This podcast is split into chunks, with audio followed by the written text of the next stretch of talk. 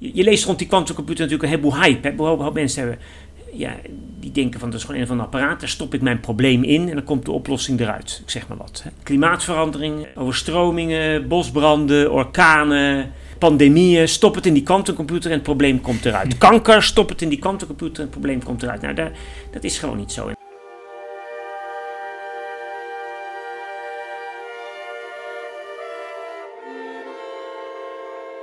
Welkom, beste luisteraars, bij Onder Professoren, een podcast over hoogleraren verbonden aan de Universiteit Leiden die zich bezighouden met zaken die buiten de academische grenzen reiken.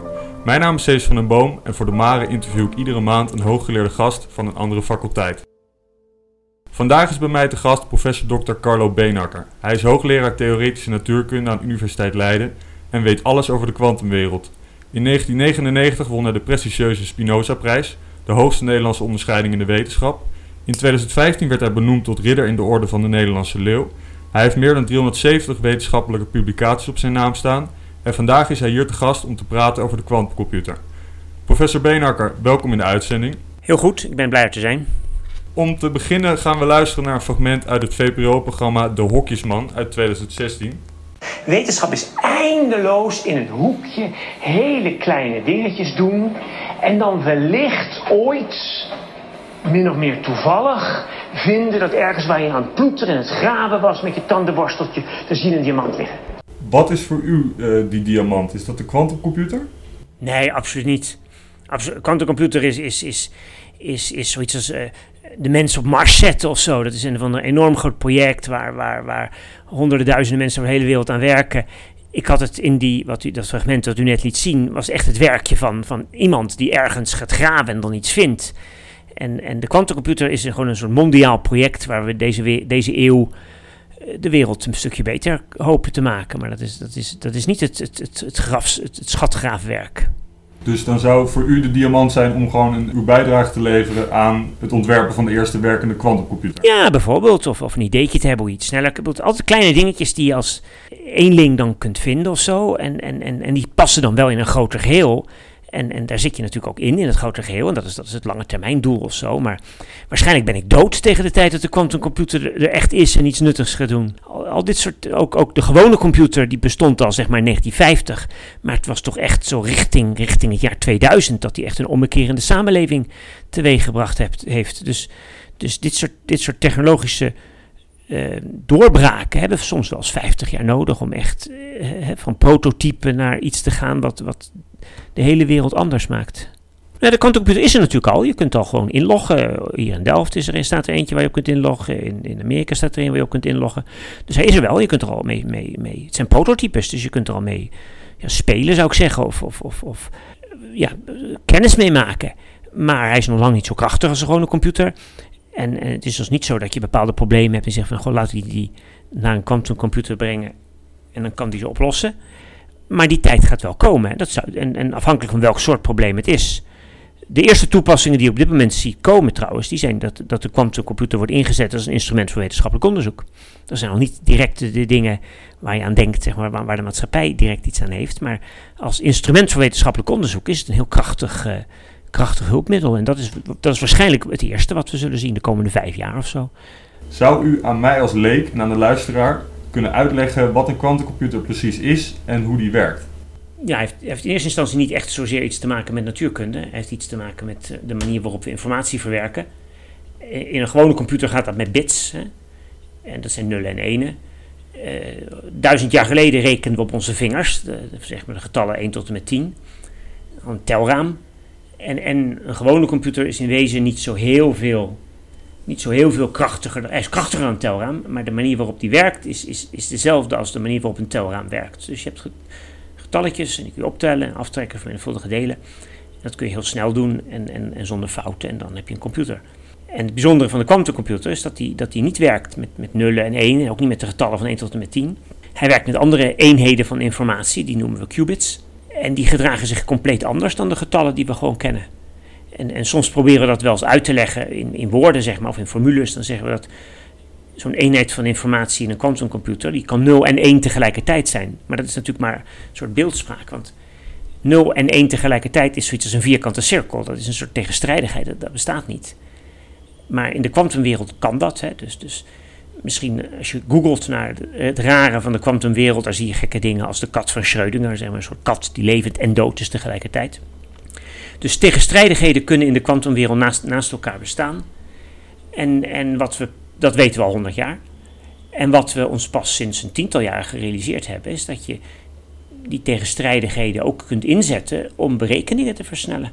Dus als je, als je in een wereld zit waarin tegenstrijdigheden naast elkaar kunnen bestaan, kun je als het ware veel meer mogelijkheden tegelijkertijd uitzoeken. Dat is natuurlijk ook logisch. Hè? Als je dood en levend kunt zijn tegelijkertijd, nou, dan kun je tegelijkertijd twee heel verschillende dingen onderzoeken. Hè? Het leven en, en of, er, of er iets is als je dood bent, ik zeg maar wat. En dat blijft gewoon 0-1. Maar... Nou ja, dat dood en levend is, is, het zijn allemaal maar beeldspraakdingen. Ja? Je kunt je voorstellen dat dood en levend, dat is natuurlijk ook maar een beeldspraak. En 0 en 1, dat is de beeldspraak die we gebruiken als we willen rekenen, omdat dat nu eenmaal gaat met 0 en 1. Maar waar het om gaat is dat je dus tegenstrijdigheden tegelijkertijd kunt hebben. En als je dat kunt doen, dan kun je veel meer dingen tegelijkertijd leven. Er zijn, er zijn ook wel films over gemaakt, bijvoorbeeld van iemand die, uh, die dat dus kon, die tegenstrijdigheden tegelijkertijd echt ook ervaren. En dan staat hij bijvoorbeeld op het perron en dan zijn zijn ouders zijn gescheiden. Dan moet hij kiezen met zijn vader meegaan of met zijn moeder meegaan. Wij hebben dat soort keuzes ook wel in ons leven en dan moeten we kiezen. Maar in de kwantumwereld kun je, kun je ze allebei tegelijkertijd doen. En je snapt ook wel dat dat meer mogelijkheden geeft. Dan kun je gewoon meer dingen tegelijkertijd verkennen. Met die vriendin in zee gaan, of met die vriendin in zee gaan. En, en dat, dat, zijn, dat zijn allemaal anekdotische dingen, dus verhaaltjes. En wat we ons nu sinds een tiental jaren gerealiseerd hebben, is dat je, dat je van die anekdotes ook een, dat je een bedrijf omheen kunt oprichten, zeg maar, om dingen uit te rekenen. Als je, als je tegelijkertijd tegenstrijdigheden toelaat, kun je berekeningen sneller uitvoeren. Dat is het idee. En, en dat is iets wat we nu gaan verkennen zijn. Niet, eh, niet alle berekeningen trouwens. Dus het is niet zo dat een, een quantumcomputer gewoon een hele snelle gewone computer is. Het soort berekeningen wat je kunt versnellen, dat zal een heel specifieke klasse van berekening zijn. En, en een deel van het onderzoek is dus bijvoorbeeld uitzoeken welke berekeningen kun je wel op die manier versnellen en welke niet. Dat is het. En wat is uw rol dan in dit alles? Nou, ik bouw geen, geen quantumcomputer. Ik zit hier gewoon in een kantoor dus wat, mijn, wat ik met mijn studenten eigenlijk doe, vooral mijn studenten dan, dat is het, eigenlijk de vraag stellen: oké, hoe programmeer je een quantumcomputer? Inderdaad, wat voor soort berekeningen kun je daarop versnellen? Hoe kun je die berekening versnellen? En heel in het bijzonder, hoe kun je die berekeningen versnellen als je quantumcomputer uh, niet zo goed werkt? Want dat is de eerste zeg maar 10, 20 jaar. Zullen quantumcomputers hebben die snel crashen. Die dus, die dus heel, heel, heel gebrekkig zijn. Heel snel crashen met grote beperkingen. En kun je met die, die gebrekkige machines die je de komende 20 jaar hebt, kun je daar toch nuttige dingen mee doen? Dat is de belangrijkste vraag die wij ons op dit moment stellen. Wat zijn dan een aantal voorbeelden van die nuttige toepassingen? Een klasse van toepassingen waar we ons op richten, dat zijn toepassingen uit de chemie. Dus het doorrekenen van moleculen, uh, het doorrekenen van nuttige moleculen, uh, om, om um, ja, allerlei chemische processen die bijvoorbeeld op dit moment heel veel energie verslinden, en heel veel CO2 uitstoten, dus ons klimaat naar gort helpen. Of we die processen misschien energiezuiniger en, en, en milieuvriendelijker kunnen doen. Dat is een, een, al, een soort toepassing waar je dan direct kunt zeggen van nou, daar, daar, daar zal een bedrijf wel in geïnteresseerd zijn. Dus eigenlijk het zoeken naar duurzamere energiebronnen? Nou, dat is, dat is zeg maar een ver horizon. In eerste instantie is het, is het, het zoeken naar chemische, verbeteren van chemische processen. Dat is het, dat is het idee. Hè. Dus chemische processen doorrekenen, moleculen doorrekenen. En moleculen zelf, die volgen de wetten van de kwantumfysica. En dus dan ligt het natuurlijk voor de hand dat als je een kwantumcomputer hebt, dat je zo'n uh, molecuul beter kan doorrekenen dan als je geen kwantumcomputer hebt. Je spreekt als het ware zijn taal. Je bent, om het maar eens in het Engels te zeggen, native speaker. En dus zul je dat molecuul beter begrijpen dan als je geen kwantumcomputer hebt. En dus we hopen er met een quantumcomputer moleculen beter te begrijpen. En als ze ze beter begrijpen, dan kunnen ze misschien ook meer naar ons hand zetten. De moleculen gedragen ze op een rare manier. En dat doen ze omdat ze gehoorzamen de wetten van de kwantumfysica. En dat zijn niet onze wetten. Uh, dus wij, wij, wij kunnen niet op twee plaatsen tegelijkertijd zijn. Wij kunnen niet uh, tegenstrijdigheden. Wij kunnen niet dood en levend zijn tegelijkertijd, zeg maar. Een, een elektron in een, in een molecuul kan bijvoorbeeld op twee plaatsen tegelijkertijd zijn. Wij kunnen dat niet. En dus het is niet eens zozeer sneller, het is gewoon je verstaat de taal niet. Je verstaat de taal niet en dus, dus kun je er wel langer aan gaan rekenen. Maar als je de taal niet verstaat, zul je, hem nooit snappen. En met een kwantumcomputer, zelfs als hij niet eens heel snel is, dat is niet eens, snelheid is niet eens zozeer het probleem. Het is, snap je hem? Kun je hem, kun je hem begrijpen waarom die dingen doet, waarom dat molecuul dingen doet zoals hij dat doet? En als je dat snapt, dan kun je misschien ook naar je hand zetten. De problemen die we hebben in de gezondheidszorg. Ik zeg maar een vaccin vinden voor, voor COVID of zo, ik zeg maar wat. Hè. Nou, ik denk niet dat er iemand is die serieus zegt: geef me een quantumcomputer en ik bereken een vaccin voor COVID. Dat, dat werkt gewoon niet zo. En, en je, je leest rond die quantumcomputer natuurlijk een heleboel hype. Hè. Een mensen hebben, ja, die denken van dat is gewoon een van de apparaat, daar stop ik mijn probleem in en dan komt de oplossing eruit. Ik zeg maar wat. Hè. Uh, klimaatverandering, uh, overstromingen, bosbranden, orkanen, uh, pandemieën. Stop het in die kwantumcomputer en het probleem komt eruit. Kanker, stop het in die kwantumcomputer en het probleem komt eruit. Nou, daar, dat is gewoon niet zo. En het is best schadelijk, dit soort, dit soort hype. Hè. Het, is, het is geen tijdreis of zo. Het is, het, is, het, is, het is wetenschap.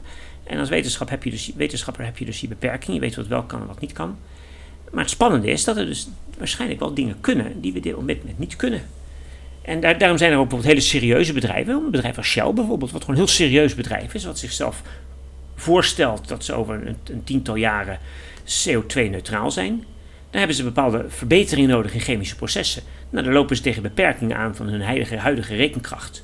En dat is typisch een bedrijf dat zegt, nou, wij willen best wel rekentijd kopen op een quantumcomputer als die ons kan helpen. Hoe zit dat? Nou, en dan gaan wij met z'n zee en dan gaan we proberen uit te zoeken hoe dat zit.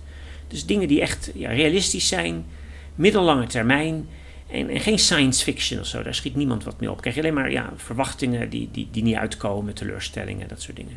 En u krijgt enorme subsidies voor uw onderzoek. En dan praat ik echt over miljoenen. Voelt u die druk bijvoorbeeld vanuit de politiek om te valoriseren? Dus om wetenschap om te zetten in maatschappelijk nut? Nou, om te beginnen, ik krijg geen miljoenen subsidie. Ik wou dat het zo was. Uh, u heeft bijvoorbeeld de, de Spinoza. Hemelse goedheid. Ik, ik, heb, ik heb twintig jaar geleden twintig jaar geleden anderhalf miljoen euro gekregen. Ja, nou ja, goed. Ik heb een groep met zo'n tien mensen. Die verdienen allemaal, wat is het, 50.000 euro per jaar hè, met sociale lasten. Dus ga maar na. Ik bedoel, ja, het zijn wel grote bedragen natuurlijk. Als je ze privé hebt, zeg maar. Als je mij een miljoen geeft, dan weet ik wel wat ik ermee kan.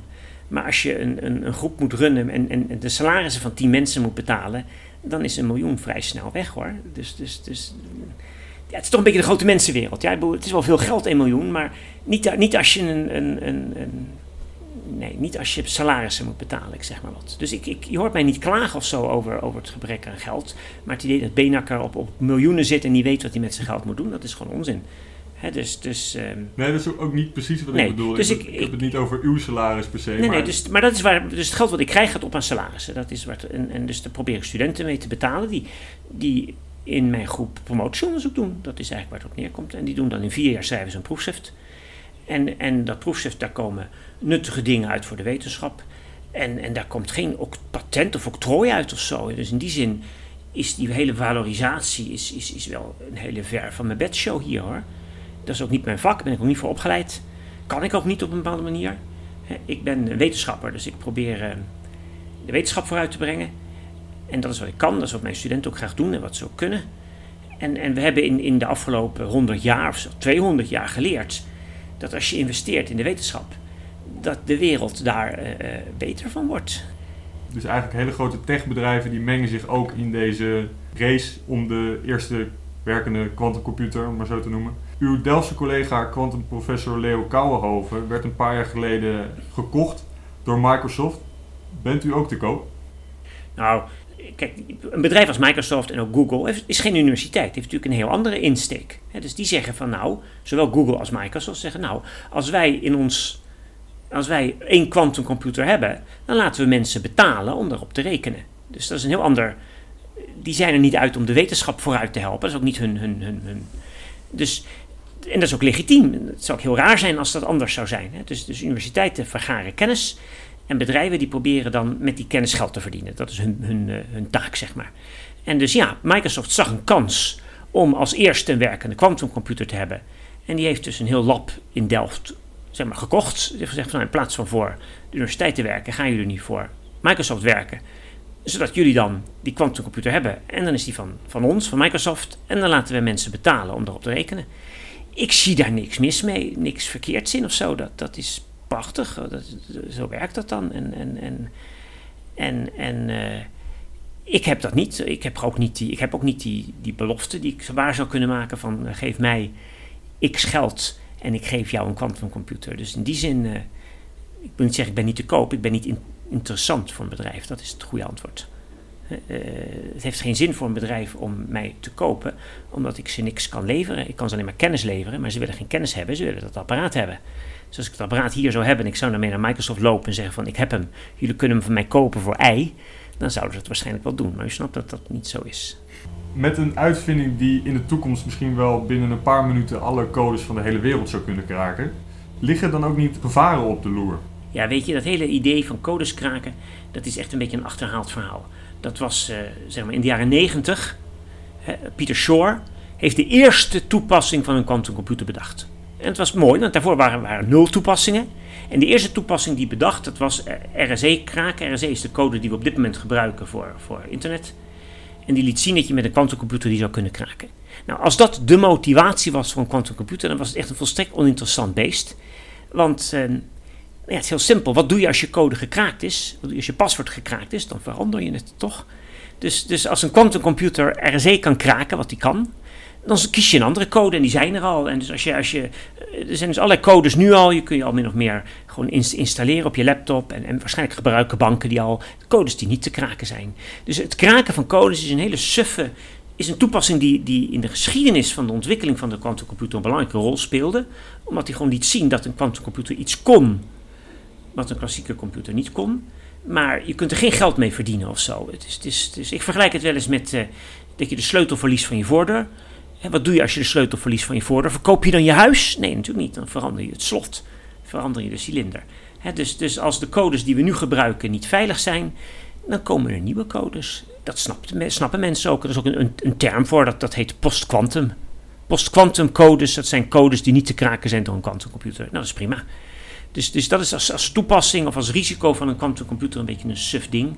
Het spreekt wel tot de verbeelding, maar niet bij, bij, bij mensen die er echt wat van af weten. Dus daar hoeven we ons geen zorgen over te maken. Nou, hard, hey, cybersecurity is iets waar je ongelooflijk veel zorgen over moet maken. Dus het, het, internet als veilige plek, als plek waar geen fake news verspreid wordt, als plek waar je geld niet af, afgetroggeld wordt, is natuurlijk weer privacy. Dus cybersecurity is ongelooflijk belangrijk.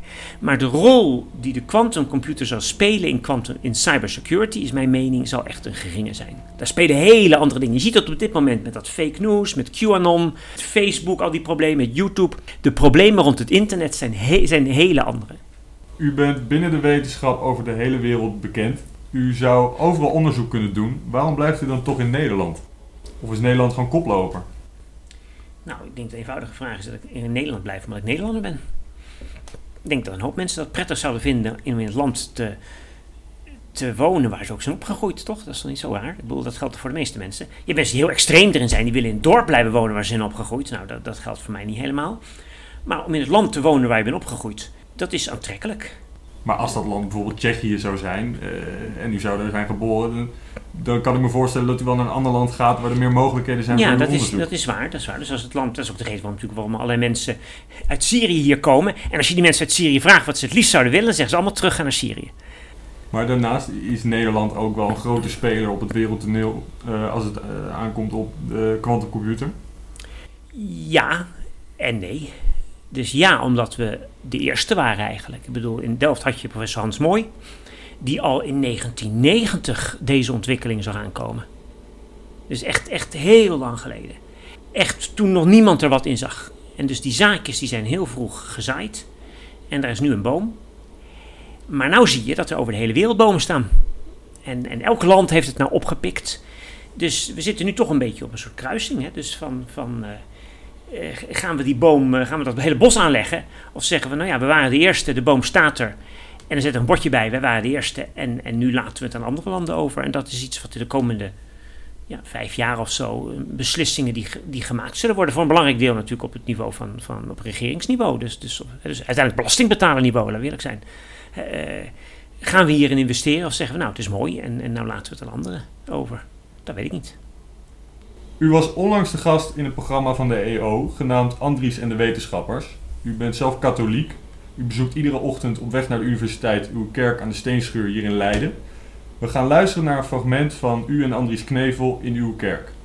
Een van de hele aardige dingen is dat de geleerde en de ongeletterde hier op dezelfde manier kijkt en hetzelfde ziet. En dus als, als iemand mij zou vertellen, ja, je kunt God wel zien, maar dan moet je een hele ingewikkelde som oplossen die niemand snapt. Zoals ik bijvoorbeeld de kwantummechanica alleen kan uitleggen als je al die wiskundige formules snapt.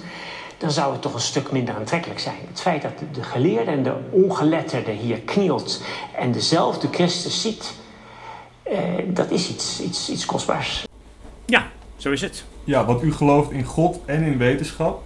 Maar geloof is accepteren wat je niet kunt verklaren, terwijl wetenschap juist voor alles een verklaring zoekt. Hoe kunnen die twee volgens u naast elkaar bestaan? Ja, om te beginnen zou ik de zin u gelooft in wetenschap vind ik eigenlijk al een rare. Ik ben wetenschapper, dat is wat ik doe. Dat is mijn, hè, dat is mijn vak. En, en dat doe ik graag. En, en uh, ik heb vertrouwen in de wetenschappelijke methode, ja, dat die werkt, zeg maar. Hè. Dus proeven doen, uh, leren van fouten. Uh, dat is de wetenschappelijke methode. Niet, niet dingen zomaar voor waar aannemen, maar zelf, zelf ja, om, kijken of je het kunt herhalen. dat, dat, is, dat is zeg maar mijn vertrouwen in de wetenschap en in de wetenschappelijke methode. Ik, ik, ik, je kunt wel geloof zeggen, want ik geloof dat de aarde rond is, maar dat is, niet, dat is, dat is omdat alle wetenschappelijke aanwijzingen aangeven dat de aarde rond is. En als iemand mij vertelt, nee, het is allemaal bedrog, hij is plat, dan, dan zeg ik nee, dat is niet zo. Dat is een ander soort geloof. Ja, maar God is, is anders. God is uh, ook wel vertrouwen hoor. Uh, heeft ook wat te maken met vertrouwen. Vertrouwen in God, dat hij er is en dat, uh, en dat dat vertrouwen niet beschaamd zal worden. Maar God ontdekken via de wetenschappelijke methode, dat gaat niet. Dat is in ieder geval mijn stellige overtuiging. En ik denk dat de meeste mensen dat met mij eens zullen zijn. Dus hij laat zich niet dat is wat ik ook in dat fragment wat u net liet zien. Dat is ook het verhaal van de, van de geleerde en de ongeletterde. Als je dus kwantumfysica, zeg maar wat, kun je alleen maar ja, snappen als je toch een redelijk niveau van intelligentie hebt. En ook, ook een redelijke ja, uh, scholing gehad hebt, zeg maar. Een aantal jaar natuurlijk gestudeerd of zo. Dus, dus daar zit echt wel een, een, een, een, een verschil. Iemand die ja, geen hoger onderwijs genoten heeft, het zal lastig zijn om die persoon dat uit te leggen.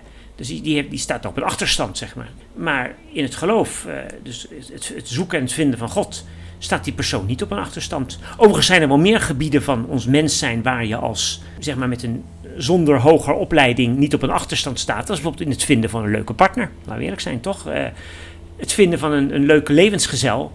Iemand uh, ja, waar je helemaal ja, thuis bent en die van je houdt. Daar zal iedereen het om hem eens zijn daar helpt het niet echt voor om, om gestudeerd te hebben of een titel te hebben, toch? En, en dus, dus, dus dat op, op zich, dat, dat feit dat, dat, um, dat er domeinen van ons, ons mens zijn, zijn waar, waar je met, met je hersens uh, niet, niet echt direct een voorsprong hebt, dat, dat kennen we. Nou, en, daar is, uh, en daar vindt u ook wel wat in dus? Nou ja, dat is gewoon een feit. Dat is, zo is het. Dus, dus uh, religie is, is, daar, is daar een onder, onderdeel van. Al het hele, me, alle menselijke verhoudingen. Hè, dus alles wat met liefde aanduiden heeft er ook mee te maken. Maar wetenschap is dat niet. Om wetenschap te bedrijven heb je hogere opleiding nodig en een behoorlijk, uh, behoorlijk IQ, om het maar eens heel cru te zeggen. Je kunt het ook met voetballen vergelijken. Als ik gewoon niet ja, motorisch niet sterk, niet sterk ben, dan, dan zal ik geen goede voetballer worden. Dat is wel tragisch, zou zeggen van dat is heel oneerlijk, maar, maar zo is dat nu eenmaal. Hè? En, en, en, uh, zo kunt u ook eigenlijk niet echt uitleggen hoe een kwantumcomputer werkt omdat ik daarvoor niet onderlegd ben in de kwantummechanica. Uh, nou ja, hemeltje, ik kan wel proberen iets te zeggen. Dat heb ik ook geprobeerd. Maar het blijft natuurlijk super oppervlakkig. Ja, dus, dus, dus, ook. dus ja, ik, binnenkort geef ik een tentamen hier over, over kwantumcomputers. En mijn studenten snappen heel goed, met gezond verstand zul je geen voldoende halen. het is niet zo dat iemand daarheen gaat en die vragen kijkt en zegt van nou, dat, dat, dat doe ik zo hè. Zeg maar zoals je een, rij, een theorie-rijexamen, weet je wel. Kun je waarschijnlijk met gezond verstand een heel eind komen. Dat moet ook, want, want iedereen moet dat kunnen halen. Nou, zo is dat met tentamen kwantumcomputers niet. Dat hoeft niet iedereen te kunnen halen. U bent, zoals dat wordt genoemd, een wetenschapspopularisator. U doet mee aan de Nationale Wetenschapsquiz, die u overigens won. U geeft buiten de academie om lezingen over tijdreizen. En in 2005 gaf u zelfs een lezing op Lowlands over de wetenschap achter de Amerikaanse science fiction serie Star Trek. Waarom vindt u dat belangrijk? Nou, om te beginnen ben ik alleen maar wetenschapspopularisator omdat mensen me vragen. Laten we heel eerlijk zijn. Dus, dus ik, ik, ik, maar u zegt ook ja. Ja, het is waar. Dus ik, ik, ik, maar ik, het is niet mijn missie of zo. Ik schrijf geen boeken. Ik heb geen tv-show. Dus ik, ik doe het omdat mensen mij vragen. En als ze me niet meer vragen, is het ook goed. En inderdaad, als mensen me vragen, zeg ik ja. Dat zeg ik eigenlijk op, op de meeste dingen hoor. Als iemand mij X vraagt, dan kijk ik in mijn agenda. En dan zeg ik, als ik uh, kan, zeg ik ja. Dus kennelijk vinden mensen, vindt men het belangrijk om het uitgelegd te krijgen. En dan wil ik het ook wel uitleggen. En, en, en dat is ook wel op een bepaalde manier belangrijk, inderdaad, ja. Of, of in ieder geval nuttig. Dus als iemand mij iets vraagt, dat, misschien is het gewoon dat ik uiteindelijk ook leraar ben. Hè? Dus als een student mij iets vraagt, dan, dan probeer ik daar antwoord op te geven. En dus als iemand mij vraagt, goh, leg mij eens uit hoe een kwantumcomputer werkt. Of leg mij eens uit waarom we niet naar het verleden kunnen tijdreizen. Dan eh, doe ik mijn best om dat uit te leggen. En dan probeer ik in te schatten wat die persoon voor, voor kennisachtergrond heeft. En, en, en mijn antwoord daarop aan te passen. Dat is zoals, elke leraar dat zou doen. Hè.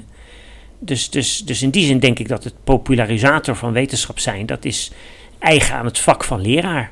Dus ik zou ook meer ja, uitlegger van wetenschap, dat vind ik wel aardig dan popularisator, gewoon de uitlegger. Mijn vak is dingen uitleggen. Dus ook in deze podcast Ja, uitleggen op allerlei verschillende soorten niveaus. Hè, voor mensen die weinig weten, voor mensen die veel weten.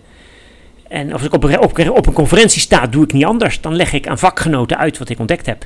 En dan moet ik het ook uitleggen op een manier die zij snappen.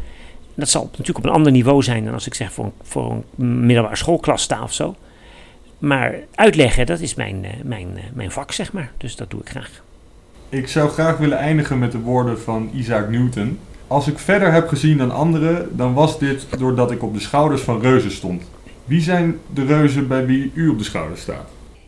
Ja, dat zullen toch de, de natuurkundigen zijn die mij voorgegaan zijn en die nou ja, als je praat over de quantum computer, dan is de persoon aan wie we toch het meeste schatplichtig zijn, is, is Richard Feynman geweest, een Amerikaanse natuurkundige, die al in een heel vroeg stadium de mogelijkheid zag van een quantumcomputer om met name het gedrag van, van moleculen en materialen uit te rekenen. En, en dat is denk ik iemand aan wie we, aan wie we alle schatplichtig zijn. En uh, nou, dat, ik die, uh, dat, is, dat is wel een, een goede. En volgens sommigen zou u wel eens zo'n reus kunnen zijn. Hoe kijkt u daar zelf tegenaan? Ja, weet je, reus is natuurlijk altijd... Uh, ja, ja, maar goed, luister, wat ik tegen al mijn studenten vertel, is er zijn altijd mensen die boven je staan en mensen die onder je staan. Ook als je een voetballer bent, hè, er zullen mensen zijn die, die beter zijn, die meer goals maken. En mensen zijn die het minder goed kunnen. Dat geldt voor iedereen. En wat heel onvruchtbaar is, is om uh, steeds maar omhoog te kijken en zeggen van, goh, ik, ik, ik, heb dat net niet bereikt, ik heb dat net niet bereikt. Dus ik ben heel tevreden waar ik sta. Hè, dus er zijn mensen die zijn minder goed in de wetenschap dan ik.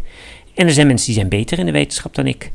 En dat vind ik prima. En, en ik sta waar ik sta. Ik probeer zo goed mogelijk te doen wat ik doe. En voor iemand die er niet zoveel van snapt, die zal misschien kijken en zeggen, Beenakker is een reus. En iemand anders die er veel meer van snapt, die zal zeggen van, nou ja, Beenakker is toch wel behoorlijk naïef in zijn denkwereld. En dat zal allebei kloppen. Nou, dat vind ik mooi om mee te eindigen. Professor Dr. Carlo Beenakker, dank voor uw bijdrage aan deze podcast. Tot zover deze uitzending van Onder Professoren, of zoals onze Patel zou zeggen, hora est.